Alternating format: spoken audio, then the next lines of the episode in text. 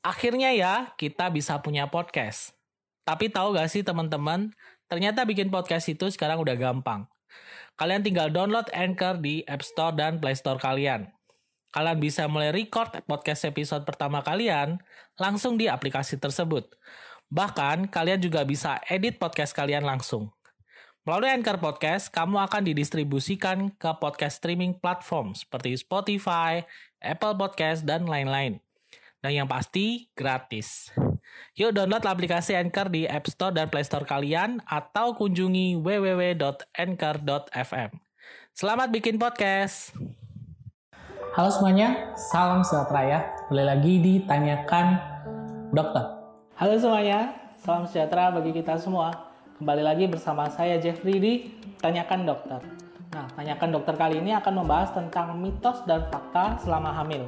Salah satunya adalah apakah ibu hamil kalau minum air es janinnya jadi besar. Kemudian apakah ibu hamil kalau makan nanas terlalu banyak bisa menyebabkan keguguran? Ibu hamil sering minum air es bisa menyebabkan janin jadi besar. Kira-kira mitos atau fakta? Ya, jawabannya adalah mitos. Pada dasarnya, air justru bermanfaat bagi ibu hamil, baik itu air hangat, air biasa, atau air es. Eh, selain juga mencegah dehidrasi, juga mencukupi kebutuhan eh, cairan dari ibu. Nah, kalau misalnya faktor berat janin tidak dipengaruhi dari minum es atau tidaknya. Ini dipengaruhi dari beberapa hal seperti genetik kedua orang tua. Kalau misalnya orang tuanya gemuk-gemuk, tentu ada bakat gemuk juga pada janinnya. Kemudian kedua bisa karena riwayat diabetes pada kehamilan.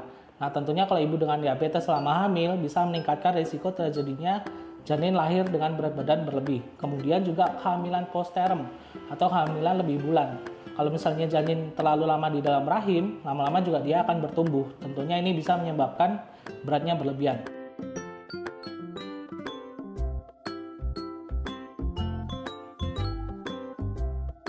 Ibu hamil makan nanas bisa menyebabkan keguguran.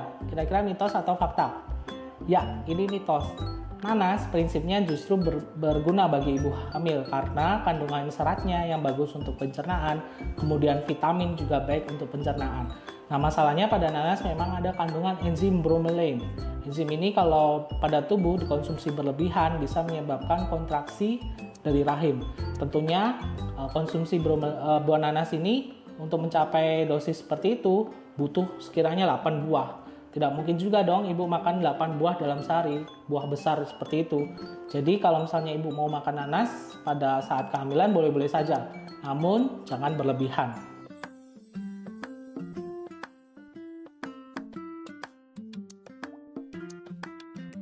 Ibu hamil tidak boleh makan mie instan. Kira-kira mitos atau fakta? Ya, jawabannya mitos. Mie instan sebenarnya juga ada kandungan baiknya seperti karbohidrat, protein, dan lemak. Cuman pada mie instan juga ada kandungan bahan pengawet, bahan perasa, dan lain sebagainya. Maka dari itu, ibu kalau misalnya lagi hamil pengen makan mie instan sekali dua kali dalam seminggu masih boleh, asal tidak setiap hari juga. Lebih bagusnya kalau ibu mengkonsumsi makanan adalah makanan-makanan yang bergizi yang bagus untuk kehamilan. Akhirnya ya, kita bisa punya podcast. Tapi tahu gak sih teman-teman, ternyata bikin podcast itu sekarang udah gampang. Kalian tinggal download Anchor di App Store dan Play Store kalian. Kalian bisa mulai record podcast episode pertama kalian langsung di aplikasi tersebut. Bahkan, kalian juga bisa edit podcast kalian langsung.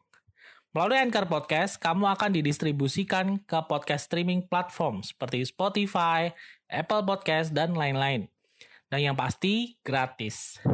Yuk download aplikasi Anchor di App Store dan Play Store kalian atau kunjungi www.anchor.fm.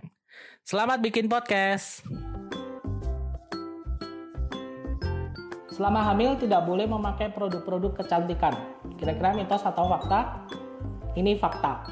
Pada dasarnya ada bahan-bahan dari produk kecantikan yang berbahaya bagi ibu hamil. Misalnya saja uh, uh, obat jerawat. Obat jerawat ini ada kandungan yang menyebabkan uh, racun bagi janin. Maka dari itu sebaiknya ibu tidak memakai obat jerawat sendiri. Sebaiknya konsultasi dulu dengan dokter. Atau misalnya juga seperti pewarna rambut pewarna rambut ada kandungan amonia pada umumnya. Nah, amonia ini pada ibu hamil bisa memicu mual muntah berlebihan. Maka dari itu kalau pada trimester pertama sebaiknya tidak memakai cat rambut dulu. Nah, kemudian juga misalnya pemutih. Pemutih paling banyak ada kandungan merkuri. Orang sehat biasa pun tidak boleh kena merkuri, apalagi ibu yang sedang hamil, sedang mengandung. Maka dari itu kalau misalnya menggunakan alat-alat kecantikan, silakan konsultasi dulu dengan dokter.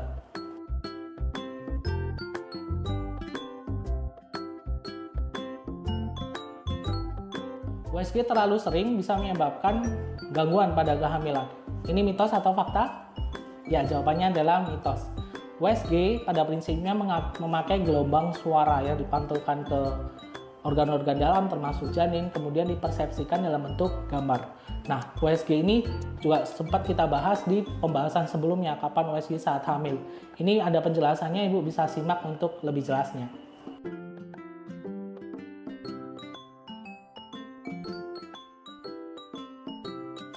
Konsumsi kacang hijau selama hamil bisa membuat rambut janin jadi lebat. Ini mitos atau fakta?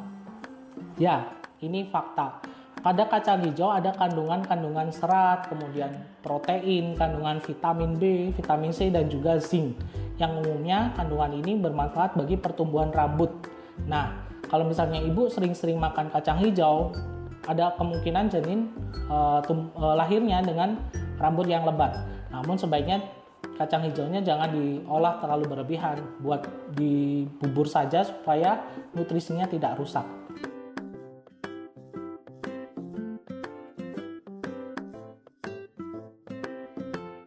Ibu tidak boleh berhubungan seks saat hamil. Mitos atau fakta? Ya, ini mitos. Umumnya berhubungan seks pada usia kehamilan berapapun aman saja, namun selama riwayat kehamilannya sehat-sehat saja. Kalau ibu kehamilannya sehat, tentunya berhubungan seks juga tidak apa. Cuman diperhatikan dari posisi. Kalau perut ibu sudah besar, kehamilannya sudah besar, sebaiknya menghindari posisi ibu di bawah. Kemudian juga kalau misalnya sudah kehamilannya besar, tentunya ibu kurang nyaman ketika berhubungan, sebaiknya juga dikomunikasikan dengan pasangan. Dan ini juga sempat kita bahas di topik video kali ini. Ibu bisa lihat penjelasannya lebih detail.